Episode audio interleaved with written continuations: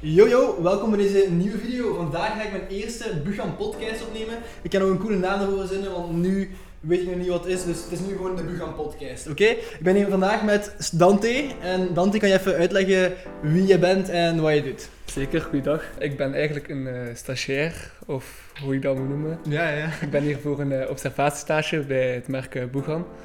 En gewoon om een beetje te leren hoe een onderneming in elkaar zit, wat je allemaal doet, hoe je dag eruit ziet. Nu heb ik eh, een paar vragen voor je voorbereid. Perfect. Let's do it. Vraag maar man. Hoe ben je gestart? Ja, dus ik ben gewoon gestart. Heel simpel, heel, ehm, ja, heel lokaal. Ik heb gewoon dingen gekocht van eh, de tweedehandswinkel. Zelf ge- geknipt, zeg maar. En gewoon zelf in elkaar genaaid om iets cooler, iets nieuws te maken. Dat was mijn eerste ding ooit. Dat was eigenlijk deze broek. Ik ga het even in beeld tonen. Ehm, dus ja, dat was iets heel, ja, heel simpel. Ik had er gewoon ik had er drie van gemaakt of zo, vijf of ik weet niet wat, heel weinig alleszins. En dan op school gewoon een aantal verkocht aan een paar vrienden van mij en zo. Dus dat was eigenlijk het begin van Bugan. Ehm, maar toen noemde het nog niet Bugan, toen had ik nog niet echt een naam ervoor. En dan uiteindelijk ehm, ben ik verder gegaan naar ontwerpen zelf maken en dan laten bedrukken in Gent. En toen was het zeg maar een beetje begonnen met ja, hoodies, t-shirts en al. En dan uiteindelijk verder met de winst van de vorige t-shirts, nieuwe gekocht. En zo, ja, verder gegroeid hè. En hoe lang bestaat dat nu ongeveer al? Eh, nu is het zo drieënhalf jaar ongeveer. Ja. Sinds januari 2020 is Bugan begonnen. Dan is het best al eh, gegroeid. in Yep. 3,5 jaar. Ja, ja, ja, ook al lang bezig hè. Ja. Waar heb jij gestudeerd of waar heb jij je school, je middelbare school eh, gedaan? Ehm, ja, dus mijn lagere school in de Steinerschool. Mhm. En dan tot het tweede middelbaar nog steeds in de Steinerschool in Gent. En dan uiteindelijk eh, van het derde middelbaar ben ik naar Sint-Lucas gegaan. En daar was ik zo... nou, ik wist niet hoe ik moest doen met mijn leven. Dus eerst, eh, had ik, ehm, dus eerst had ik architectuur gedaan voor een paar maanden. En dat was niet echt mijn ding, iets te veel wiskunde en zo. Dus dan dacht ik van, oh, wat ga ik doen met mijn leven? Ik was zo 14, 15 jaar, snap je? Dan weet je niet echt wat je wil doen. Ehm, dus dan dacht ik van, oké, ik ga een audiovisuele vorming doen. Dus zo met fotografie en video.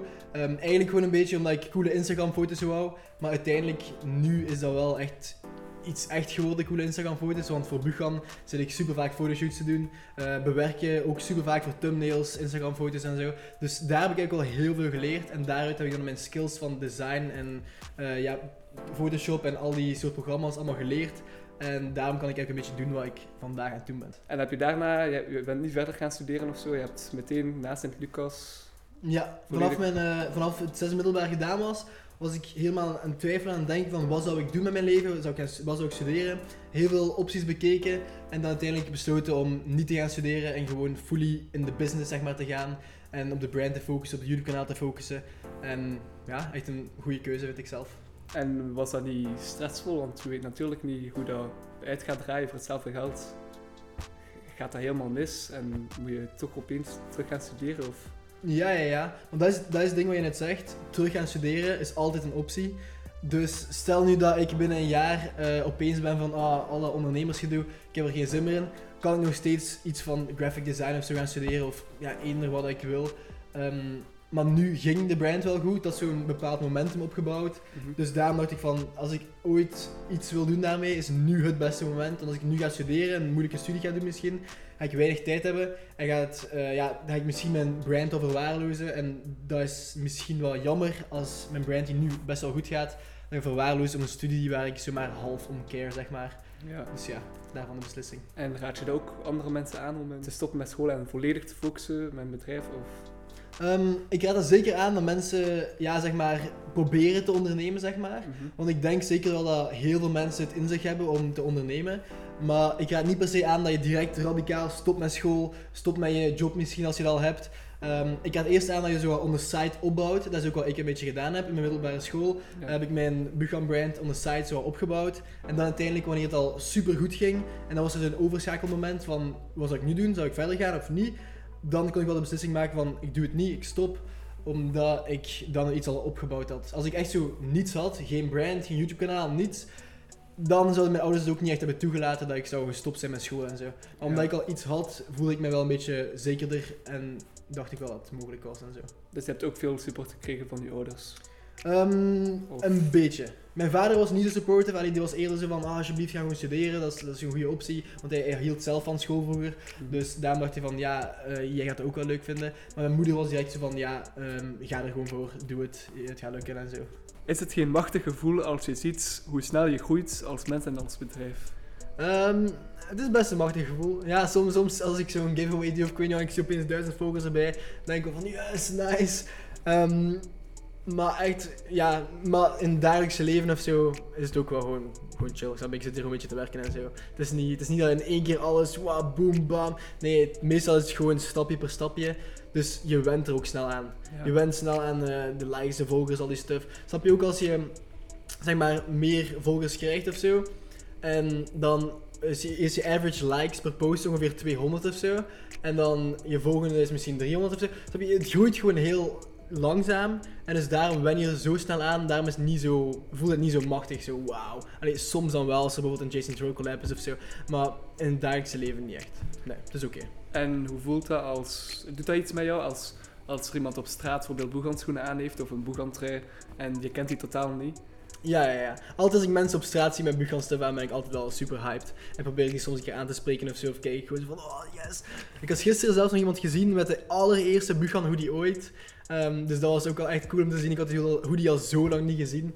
En er was een guy hier om de hoek met de hoodie aan. Ja, Dat is heel wel- cool. Heb je ooit een zakelijke lening genomen? Zo ja, eh, zou je dit aanraden? Nee, ik heb het niet gedaan en ik raad het ook niet aan. En waarom die? Omdat ik denk dat het te veel risico's mee- met zich meebrengt. Het is veel beter om gewoon op jezelf, zeg maar, proberen vanaf heel klein te starten en groter te worden.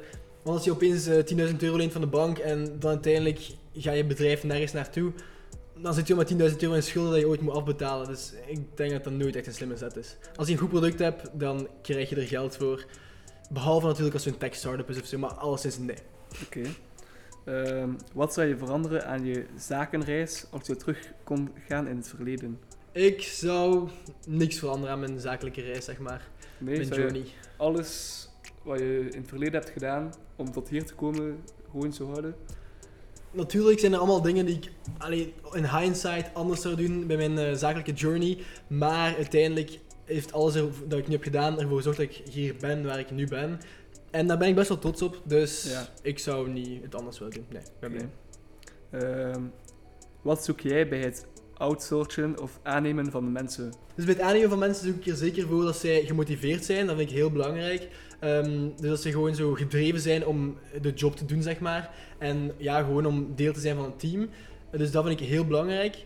Ehm, plus ook natuurlijk dat ze er goed in zijn. Het maakt me niet uit wat voor diploma je hebt of zo. Ehm, ik wil gewoon dat je goed in bent. Als je nu een diploma hebt van loodgieter of zo, maar je bent super goed in TikToks maken, dan ben ik zo, oké, let's do it, kom in een team. Natuurlijk, het maakt me niet uit.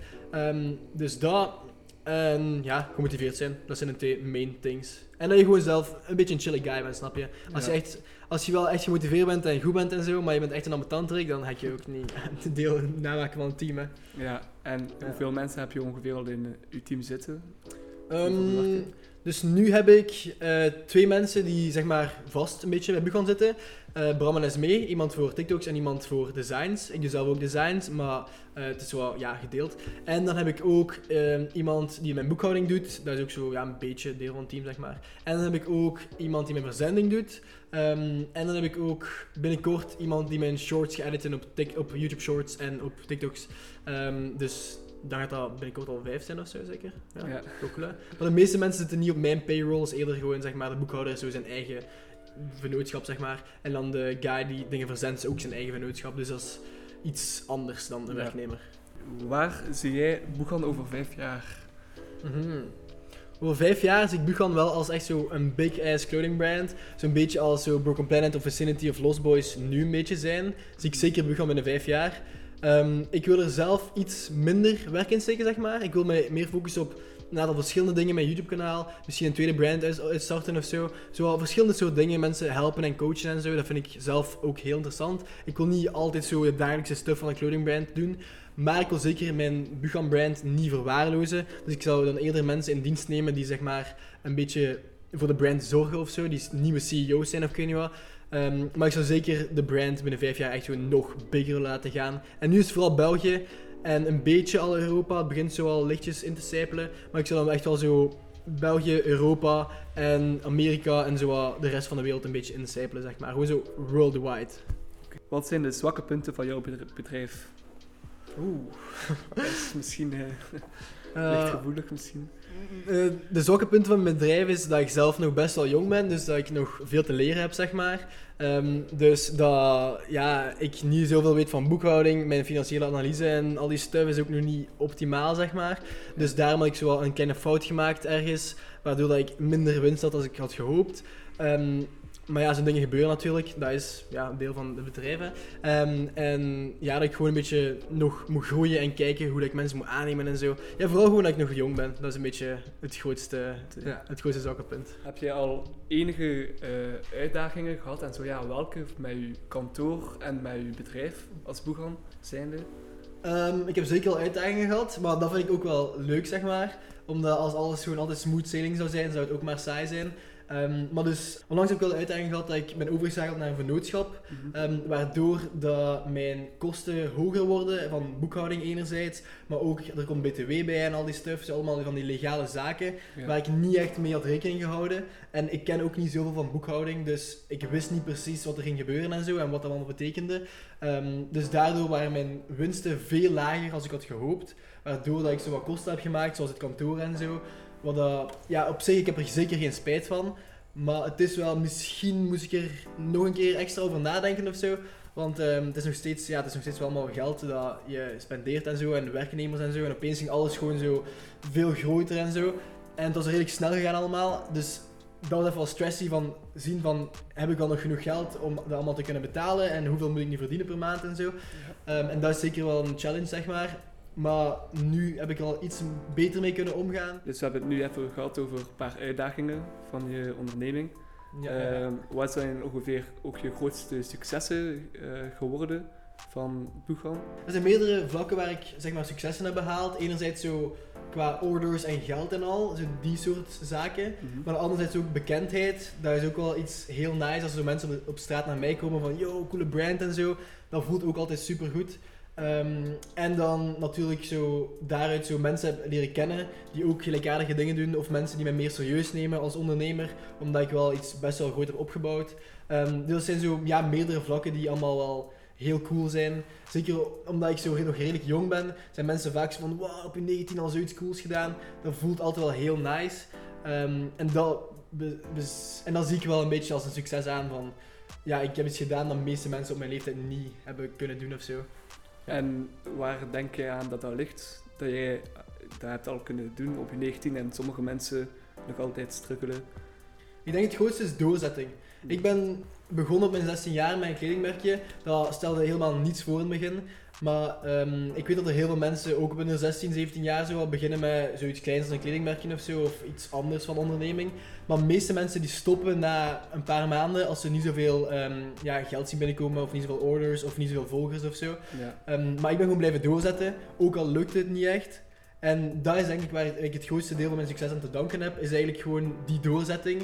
Want ik denk niet dat ik slimmer ben als de meeste, ik denk niet dat ik betere designs heb als de meeste. Ik denk dat ik best wel een average guy ben eigenlijk, maar ik gewoon heb doorgezet en daardoor is het gelukt, zeg maar. En je, je hebt dus nog nooit een ander merk opgericht of zo. Boegan is echt je eerste grote merk.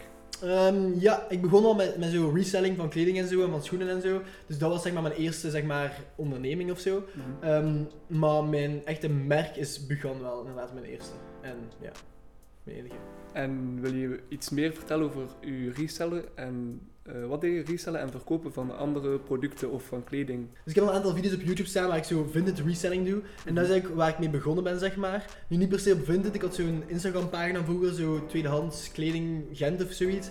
Ehm, en daarop verkocht ik dan zo kleding en toch zo nice foto's ervan. Ehm, en dan stuurden mensen mij een DM'tje van, yo, ik vind dat wel een nice hoodie, zou ik kunnen kopen van jou? En zo is het zeg maar een beetje begonnen. Dat was een beetje, dat was eigenlijk voordat vintage bestond, zeg maar. En dan uiteindelijk was vintage ehm, tot leven gekomen en dan ben ik redelijk snel naar Vinted gegaan. En dan daaruit haalde ik zo'n paar duizend euro en een paar honderd euro per maand of zoiets. Ehm, en dan daaruit heb ik dan een eigen brand gestart. Hoe ben je begonnen met het, ehm, met het proces van je schoenen? Mhm. Daarvoor ga ik even iets erbij halen.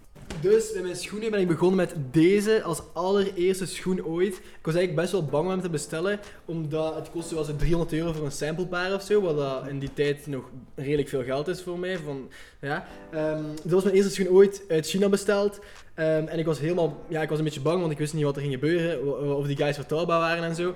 Maar uiteindelijk heb ik het gewoon gedaan en dan twee maanden later kreeg ik ze toe en ik was echt helemaal hyped erover. Ik was echt, dat echt niet normaal, echt zo een van de gelukkigste momenten van mijn leven eigenlijk. Mijn eerste schoen die aankwam. Ik kreeg iets anders dan hoodies en t-shirts en zo. Ehm, dus ja, dat was de allereerste schoen ooit. Ik heb hem ook al een beetje gedragen, zeg maar. En eigenlijk is die nooit uitgekomen. Hieruit heb ik dan deze schoen gemaakt. Bam. En deze schoen is wel uitgekomen. was mijn allereerste Buchan schoen ooit. Ehm, dus ja, ik ben er wel heel blij mee eigenlijk. Hoe dat die tot stand is gekomen.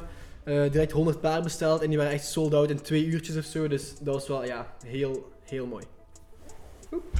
En dan daaruit de rest van mijn schoenen gemaakt. En dan is de bal get rolling, zeg maar. En dan, ja, veel schoenen.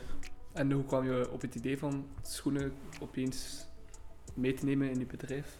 Ja, ik dacht gewoon van, ik wil een keer iets anders doen, iets speciaal doen, want hoodies en t-shirts, ik had het al zo vaak gedaan, iedereen kan het doen, snap je, dat is niet... eh, na een tijdje begint dat een beetje saai te worden, dus dacht ik van, ik wil een keer iets fucking random doen, ik doe schoenen, let's do it. Ehm, en ook schoenen, dat lijkt zo onmogelijk of zo, snap je, als ik was 17 jaar of zo, dan denk je van, hoe de fuck moet ik schoenen maken? En dan had ik gezien dat het mogelijk was, ik had het geprobeerd, ik had het gedaan, en ja, toen, vanaf toen dacht ik van, ik kan alles maken.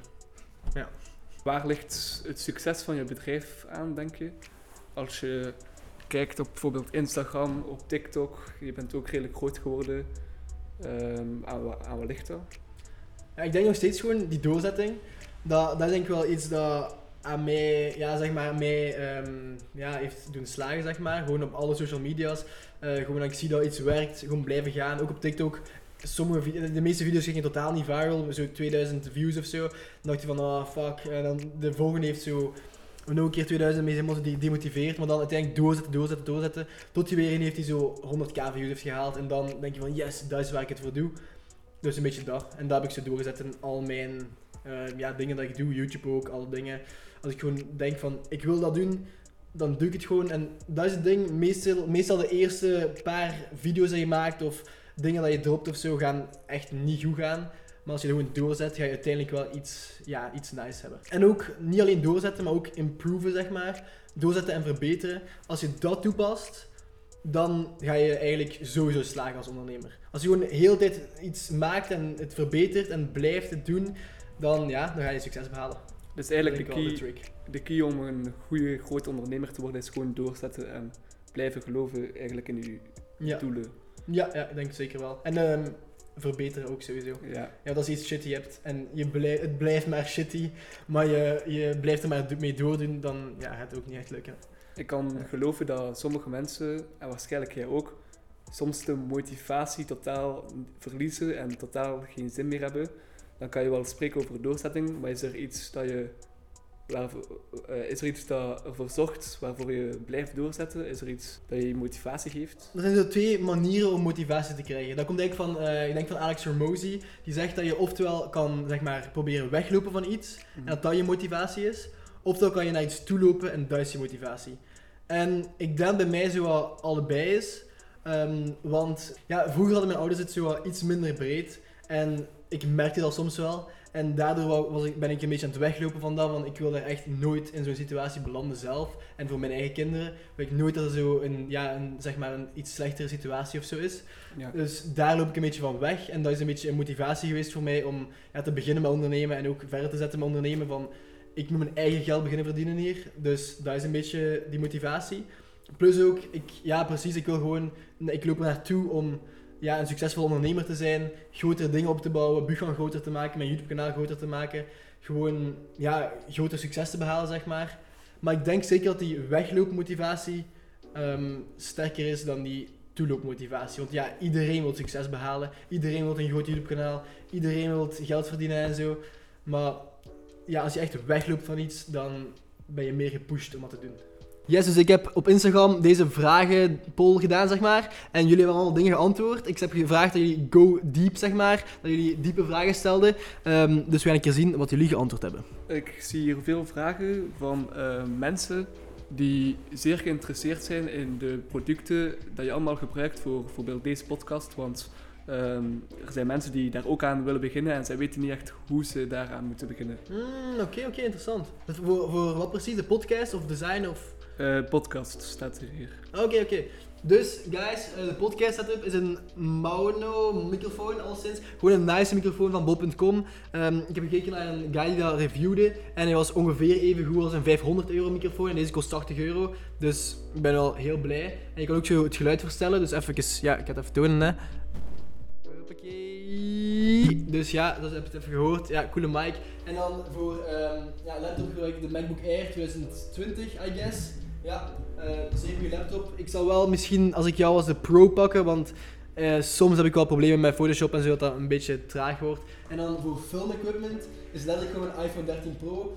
Ehm, dus ja, je hebt echt geen fancy camera nodig. Ik heb wel een camera, maar ik wil toch iets liever met mijn iPhone werken. Dat is gewoon iets smoother met de MacBook en zo. En dan zet je op een statief. Eh, ik heb ook wel, hier een foto van de setup. Ehm, en dat is gewoon een random skeerstatief van de Action of zo. Guys, het moet echt niet fancy zijn. Oké, de laptop is wel fancy, de iPhone ook best wel. Maar al de rest is echt gewoon, ja, cheap stuff. Gewoon de, de beste prijs-kwaliteit dingen.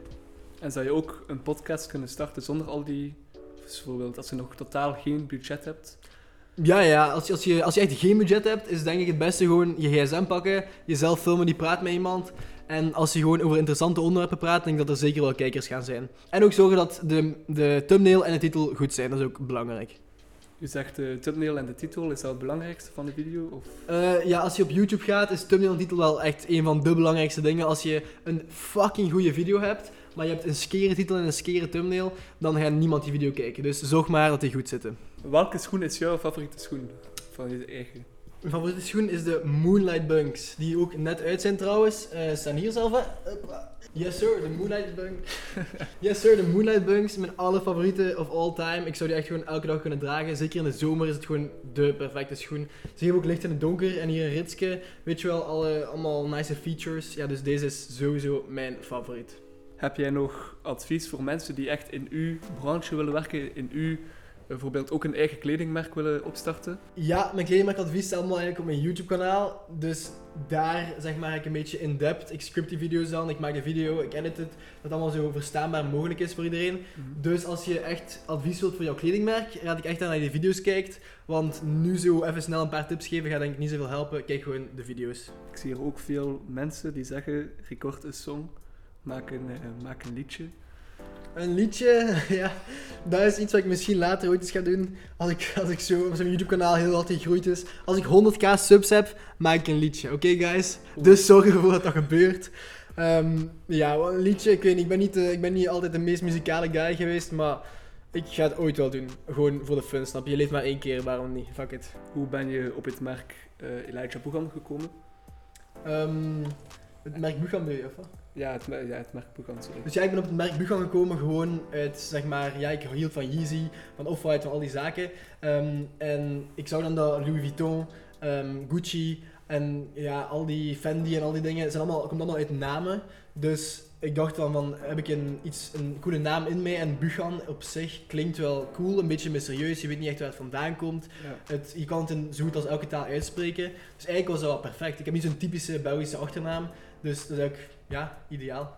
En ik zie ook dat je eh Boegan is ook een beetje Arabisch geschreven. Ja, dus het Arabische komt eigenlijk omdat ik vroeger een kledingmerk heel nice vond dat ze wat Arabische tinten gebruikten. Nu bestaat die jammer genoeg niet meer, want ik vond hem wel heel cool.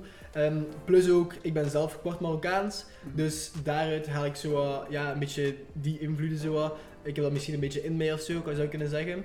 Ehm, plus ook, ik vind dat gewoon een heel mooie, zo wat mysterieuze stijl zo. Ja. En dus ja, die combinatie heeft ervoor gezorgd dat ik redelijk veel Arabische ja, tinten gebruik en zo, en lettertypes en al. En bijvoorbeeld voor je schoenen of voor andere kledingmerken, ehm, van waar haal jij daar inspiratie over? Uh, mijn inspiratie komt eigenlijk gewoon uit het dagelijkse leven. Uit gewoon dingen dat ik zie, dingen dat ik hoor. ehm, op Instagram een beetje kijken wat andere mensen doen en zo. Ehm dus gewoon een combinatie van al die zaken. Dat is een beetje inspiratie, ook uit boeken en zo. Ja, overal. En zijn er boeken die jij ons, die jij de kijker zou aanraden om te lezen? Zeker weten. Ehm, de biografie van Steve Jobs is echt mijn absolute favoriete. Dus als je een beetje een Apple-fan bent of een Steve Jobs-fan, zeker de biografie van Steve Jobs lezen. Die is heel, heel nice. Ehm, en dan zo de typische zo 100 million dollar offers, uh, Rich Dad Poor Dad, Atomic Habits. Al die self-help, businessy type boeken vind ik allemaal ook echt de max. Heb je ooit eraan gedacht om bijvoorbeeld skateboards of zo? Ah, ik heb een skateboard. Daar zo. Kom halen. Ja. Uh, zijn de skateboards al uit of niet? Nee, nee. Nee, oké. Ja, dus ik heb al een skateboard zoals je kan zien, hier zo. Hij is nog niet uitgebracht, het was gewoon eigenlijk, ik heb er 10 besteld voor de pop-up store. Ehm, maar ja, dus ik heb al skateboards. Maar echt uitbrengen, dat weet ik nog niet zo zeker. Misschien zou ik het wel een keer doen, maar liever dan zo in een collab met een skatemerk of met een skatewinkel of zoals Curb of zo. Ehm, maar nog niet direct. Dus als, als Curb dit ziet, uh, die Emmy, weet je wel, collabje, why not hè? Al die kleren ontwerpen, uh, foto's maken voor uw kledinglijn, is dat ook uw passie? Doe je dat echt graag? Mm -hmm. Of zijn er andere zaken die je liever zou doen? Ja, ja, ja. Um, het begon eigenlijk allemaal uit een passie. Zo kleding, ik vond dat vroeger heel nice. Ik was een grote fan van Supreme, van Off-White, van Yeezy, van al die soort zaken. Um, dus het begon eigenlijk een beetje uit een passie van ik wou zelf zo'n kleding hebben, maar ik kon het meestal niet betalen omdat ja, van die dingen zijn heel duur. Ja. Um, dus daarom dacht ik van ik ga het gewoon zelf maken, fuck it. dus daar is het een beetje gestart als een passie zeg maar. En dan nu is het iets meer, zeg maar, een beetje een business geworden. Nog steeds vind ik het wel leuk om kleding te ontwerpen en te bestellen en zo. Um, maar kleding zelf, snap je, boeit mij iets minder als vroeger. Het is minder een passie en iets meer een business. En, maar nu heb ik wel een beetje een passie ontwikkeld voor business zelf. Als ik zo bijvoorbeeld mensen kan helpen met iets en daardoor een beetje geld kan verdienen, of um, zeg maar mensen kan helpen een business te optimaliseren, zeg maar, dan ga ik daar zelf ook wel fulfillment uit en um, dat voelt ook een beetje als een passie voor mij. Dus ja. het begon eigenlijk als passie voor zo kleding en ontwerpen en al die stuff. En nu is het eerder een beetje een passie voor business geworden. Wat dat ook wel heel leuk is. Uh, hoe, hoe, ga je met leveranciers om en hoe uh, vind je goede leveranciers voor je kledinglijn? Ja, ja, ja. Dus mijn leveranciers zijn eigenlijk heel uiteenlopend. Ik heb enerzijds leveranciers in België, in Portugal en in China. Um, dus het is allemaal een beetje verschillend hoe dat ik met elke leverancier uh, omga. De Belgische leveranciers zeg ik vaak gewoon langs of ik bel dan gewoon een keer van yo, um, is er iets nieuws klaar? En meestal kunnen ze ook heel snel werken. Binnen de twee weken of zo heb je wat je wilt. Ja. Um, wat dan natuurlijk heel nice is, ook geen extra verzendingskosten. Ik kon nog even snel naar hun gaan, even kijken of alles goed loopt, even teruggaan, dat is een kwartier fietsen of zo, echt gewoon super nice. Um, en dan mijn Chinese leveranciers, daar chat ik elke dag mee. Um, even gewoon vragen voor een update, wat er aan de hand is. En daar gewoon een beetje zorgen dat alles goed loopt, alles smooth loopt. Ook soms zo fabrics bestellen, om te kijken van ja, of het allemaal uh, goed zit en zo, of het allemaal de juiste maat is. En zeker altijd een sample bestellen met overseas um, manufacturers, omdat je nooit echt precies weet wat ze gaan leveren. En dan mijn Portugese manufacturers, die ben, ben ik eigenlijk nog maar net bij. Um, met hun is het nog, nog een beetje afwegen van hoe dat we moeten werken en zo. Maar ook gewoon chatten, foto's laten sturen en zo. Gewoon duidelijk een, een techpack maken en dan tonen ja, um, wat dat je precies wilt. Uh, een techpack is zo gelijk een foto van een kledingstuk en zo, precies de afmeting en al die stuff.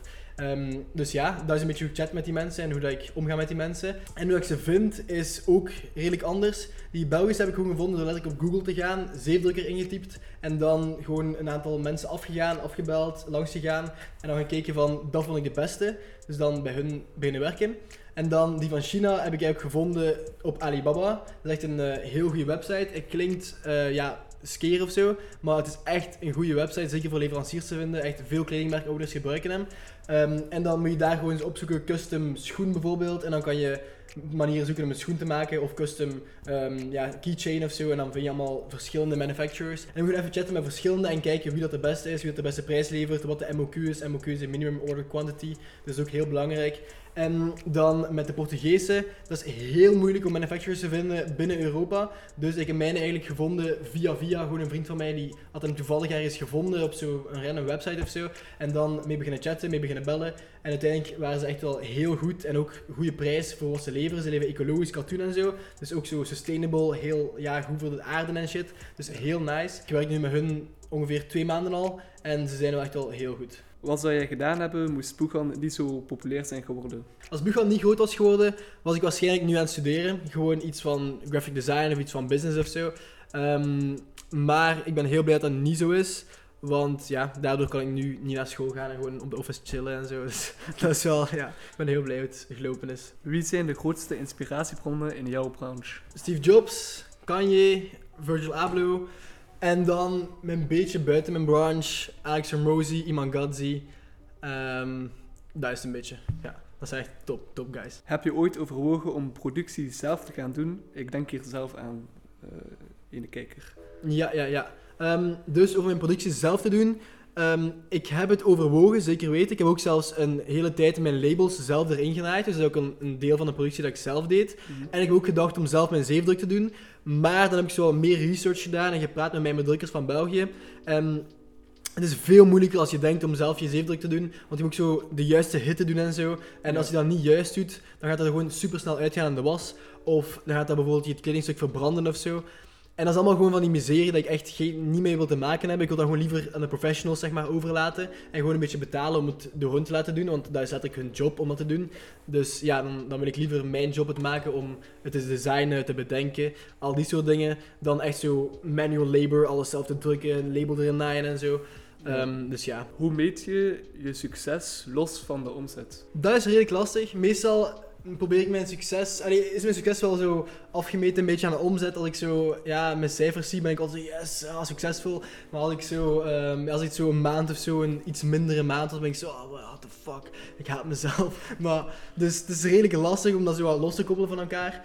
Ehm, maar als je dan bijvoorbeeld zo'n guy op straat aan jou komt van, yo, ah, ik ken jou van de brand... Dan voelt dat ook wel veel beter. Ja, dat snap je. Daar kan je, daar kan je geen woorden op plakken. Iemand wil al lang een podcast starten of zo, maar zij weet niet gewoon hoe ze eraan moet beginnen. Dus als je het over een podcast opstarten gaat, dan is het gewoon redelijk simpel. Je koopt een microfoon of je doet met een gsm. En ja, je start gewoon, hè. Je zet gewoon hier, je praat met iemand. Ja. Het moet niet zo moeilijk zijn. Je moet niet dingen overcomplicaten. En waarschijnlijk gaan de eerste 10 podcasts shitty zijn. Maar dan leer je uit en dan uiteindelijk de elfde gaat misschien wel cool zijn. En wil je een interessant feitje weten? De 90% van de mensen die een podcast starten, maken het niet voorbij een derde episode. En dan daarvan, de 90%, die, eh, de 10% die het wel maken, 90% daarvan maken het niet voorbij een twaalfde episode. Dus als je zelf maar 13 episodes maakt, dan ben je al in de top 1% van podcasters in de wereld. Dus dat is het doel voor, een beetje voor de Buchan podcast, minstens 13 podcastafleveringen maken. Allee, top. Dan hebben we ook al meteen een eh, doel gesteld. Yes, sir. Dus zeker commenten wie dat jullie willen zien op de podcast. Ik weet al, Ace en al zou heel cool zijn. Dus comment wie, alright? In welke mate heeft Poegan je leven veranderd? Ja, dus Buchan heeft me zeg maar kansen gegeven om met mensen af te spreken die ik anders waarschijnlijk niet zou ontmoeten. Zoals, ik denk nu direct aan Wouter en Bernard. Dat zijn twee gasten die allebei 25 jaar zijn, allebei al lang bezig met ondernemen, allebei al veel, veel verder staan in de ondernemersjourney dan ik, zeg maar. Maar daardoor, omdat ik al iets redelijk groot heb opgebouwd, nemen ze mij serieus, kan ik met hen praten erover. Ehm, en ja, dat is gewoon super chill. Dat is een van de grootste benefits dat ik, dat ik zelf vind van mijn kledingmerk, is dat ja, mensen mij gewoon serieus nemen. En dat ik daar rond ook dingen kan bouwen als een YouTube-kanaal en zo. En ehm, op, op TikTok en Instagram, dat mensen mij zo ja, serieuzer nemen dan als ik gewoon zo zou zeggen van ja, zo start een kledingmerk, maar ik zou zelf niets hebben. Zou niemand mij serieus nemen. Maar omdat ik het heb, het bewijs zeg maar, dan weten mensen van ah ja, die kan het, die weet waar die over praat. Dus dat is een heel goed voordeel. Wat is je grootste angst als ondernemer? Hmm, Oké. Mijn grootste angst als ondernemer is uiteraard gewoon zo ehm, een, zeg maar, failliet gaan natuurlijk. Ehm, dus ja, als ik bijvoorbeeld een rekenfout zou maken en ik zou superveel dingen weggeven of spenderen en dan zou ik niet zo van terugverdienen of zo. Dat is wel een beetje een angst dat ik vaak heb, zeg maar. Omdat natuurlijk koop ik dan een keer 500 paar Moonlight Bunks in of zo. Ehm, en als ik daar maar 200 van zou verkopen of maar 100 of zo, of zelfs nog minder, dan heb ik wel nog superveel geld dat in die schoenen zit, dat ik niet verkocht heb kunnen krijgen. Dus dat is wel een beetje een angst dat ik gewoon zo op een dag zo, dat mijn ego te groot is of zo, en dat ik gewoon een rekenfout maak en gewoon denk van, oh, let's do it, duizend paar schoenen, dit en dat. En dat ik daardoor gewoon, zeg maar, ehm, ja, failliet ga of zo. En ik kan, eh, ik kan me voorstellen dat zoiets stressvol is, dat soms op sommige momenten dat echt volledig je kop stot maakt. Eh, bijvoorbeeld bij ACID, die heeft dan een uit, uitlaatklep, als bijvoorbeeld, eh, die gaat dan twee uur per dag of zo naar de fitness. Eh, wat, is dat bij u? Heb jij dat, zoiets? Om even tot rust te komen, om even aan niks anders te, denken? Ja, het is een beetje gelijkaardig als bij ACID. Ik heb ook gym waar zo goed als elke dag naartoe ga. En dat is ook al een beetje mijn uitlaatklep. Gewoon even luide muziek opzetten in mijn hoofd. En gewoon mijn lichaam even laten gaan. Want meestal zit ik een beetje in mijn hoofd te werken, zeg maar. En te editen en moet ik heel te nadenken over wat ik doe en zo. Terwijl als ik naar de gym ga, boeit het gewoon niet. Vaak luister ik vroeger nog podcasts, maar nu heb ik dat veranderd. Nu luister ik alleen maar naar eh, dikke muziek, waardoor dat ik gewoon zeg maar, mijn mind even kan uitzetten en gewoon daarop kan focussen. Ja. Ja. Maar ook wel helpt voor mij is ook wel in de natuur gaan. Doe ik tegenwoordig iets te weinig eigenlijk in de natuur gaan. Maar dat helpt ook zeker wel als ik zeg maar ehm, ja, even het te veel allemaal vind. Even gewoon gaan wandelen in de natuur ergens. En ja, dat helpt ook wel echt goed. Hoe krijg je eigenlijk samenwerkingen met, ehm, met bijvoorbeeld modellen of zo? Eh, modellen of influencers? Wat je? Influencers. Ah ja, ja. Bij influencers is het redelijk simpel. Je stuurt er gewoon een DM'tje en hoopt dat ze antwoorden. En als ze niet antwoorden, nog een DM'tje. En zo doe ik het eigenlijk gewoon. Er zijn, er zijn ook mensen die zo eh, een tactiek hebben van zo, ik stuur hun idool, stuur ik een berichtje. En zorg ervoor dat hun idool dat draagt. En dan gaan zij, gaan het is veel makkelijker om hun te contacteren van, yo, uw idool heeft die ook gedragen. Dat is ook een manier, maar dat vind ik een beetje te verdenkend en zo. Fuck dat. Ik, doe, gewoon- ik stuur hen gewoon een DM'tje en ik hoop dat ze antwoorden. Dat is mijn Ja. tactiek. Hoe zou u eh, uw brand eh, noemen als dat geen boekhand zou noemen? Dat is een vraag die ik niet echt kan beantwoorden, want ja, het is Bugan en Ja. ehm, ja, ik zou het niet echt weten. Het zal waarschijnlijk wel iets zijn dat dichtbaar, dierbaar in mijn hart ligt, zeg maar. Iets dat betekenis heeft voor mij. Ehm, want dat is het belangrijkste, vind ik, dat een naam van een merk of iets dat je opstart een beetje betekenis heeft voor jezelf. Ehm, en niet gewoon een generic naam kiezen. Allee, dat kan wel natuurlijk, als het voor jezelf betekenis heeft. Maar ja, vooral gewoon dat er iets van betekenis achter zit. En hoe zou je, zou je tips kunnen geven aan mensen die bijvoorbeeld een kledingmerk willen opstarten of een YouTube-kanaal willen opstarten, maar niet goed weten hoe zij dat zouden willen noemen? Ja, ik zou zeker zeggen, maak het kort, maak het herkenbaar. Zorg ervoor dat het in meerdere talen uitspreekbaar is, als Mhm. dat het doel is natuurlijk. Als je alleen maar op Nederlands wil focussen, is dat oké. En zorg ervoor vooral dat het betekenis heeft voor uzelf. Ja. Zodat jij het nice vindt, zoals Buchan bijvoorbeeld is mijn achternaam, dat heeft wel betekenis voor mezelf natuurlijk. En ja, gewoon zoiets zou ik zeker aanraden. De laatste drie vragen, dames en heren. Let's go! Wat zijn nog grote toekomstplannen voor Boegan? Dus een toekomstplan dat echt zo bijna gaat gebeuren, is de pop-up store in Parijs. Ik heb dat nog niet aangekondigd, dus dit is ook de eerste keer dat mensen het horen. Dus ik ga eind juni naar Parijs een pop-up store houden met Buchan. En samen met een aantal andere brands over heel de wereld eigenlijk, eh, hebben we samen zo een pand geregeld. Ehm, en dus ja, daar ik pop-up store doen, mijn stuff daar hebben, ehm, zo coole challenges doen, zo dingen weggeven en zo, mensen laten lopen voor kleren en al. Gewoon echt zo een coole vibe creëren, weet je wel. Dus dat is echt wel nice, want snap je, dat zo uitbreiden uit België naar Parijs, zo de fashionstad van de wereld. Dus wel echt nice. En dan met diezelfde organisatie zal ik waarschijnlijk eh, in oktober of november naar ComplexCon gaan. En dat is zo de grootste sneaker streetwear beurs ter wereld. Dus dat is wel heel nice als het zou lukken. Ik ben nog niet 100% zeker, dus als het niet gebeurt, ook niet eh haten of zo. Maar dat zou echt heel cool zijn. En als het dan niet gebeurt, zou ik zeker graag een keer naar ehm, ja, Amerika gaan met mijn brand. En daar zeg maar een of andere pop-up store of event of zo meedoen. En zeg maar zo gewoon een beetje uitbreiden en worldwide gaan, zeg maar. Hè. Nu is het voornamelijk Belgisch, zoals ik al gezegd had. Maar dus ik wil echt gewoon met Bugan de wereld veroveren in streetwear. En bijvoorbeeld mensen die al even bezig zijn met een eh, kledingmerk eh, en een pop-up store ook willen oprichten, hoe doen ze dat juist? Ehm, dus een pop-up store kan je op verschillende manieren doen. Ehm, je kan meestal, het makkelijkste is gewoon dat pand contacteren, of de owners of zo. Dus eigenlijk gewoon ehm, bijvoorbeeld de shelter hier in Gent. Kan je even gewoon naar hun binnenstappen, kijken van wie is de baas daar. Gewoon even vragen aan de mensen van, yo, wie is de organisator hier? En dan gewoon even vragen aan die organisator een mailtje sturen of een belletje doen. Van, yo, hoeveel zou het kosten om hier een pop-up event te doen met jullie? En zouden jullie dat zien zitten en zo? En zo een beetje, ja, proberen regelen of zo. Hè. Dat is denk ik de handigste manier. Of je kan zelf ook alles van scratch doen, zeg maar. Gewoon een pand ergens fixen.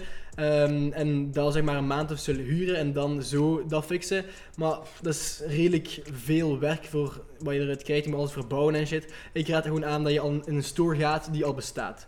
En Ja. daar zeg maar gewoon alles zeg maar, voor één dag of zo, of een paar dagen omtovert naar jouw brand. Zo heb ik het gedaan in Antwerpen en in Utrecht. Alright, dat waren de vragen van jullie. Dus guys, comment zeker hieronder of jullie nog vragen zouden hebben of zo. Dan gaan we ze ook nog beantwoorden in de comments of in de volgende Q&A of ik weet niet wat. Alleszins, comment gewoon wat je nog wil weten. En dan gaan we nu ehm, de laatste vraag doen. Heb jij nog een vraag? Let's go. Ehm, Niet, niet direct. wanneer is een nieuwe drop? De nieuwe drop is binnen twee weken met de Bugan Essential Pieces. En dan in juni een big ass summer collection. Dus guys, stay tuned. Like, subscribe, ehm, comment hoe dat ik deze podcast ook moet noemen en zo. En dan zie ik jullie de volgende keer. Bye bye. Ciao.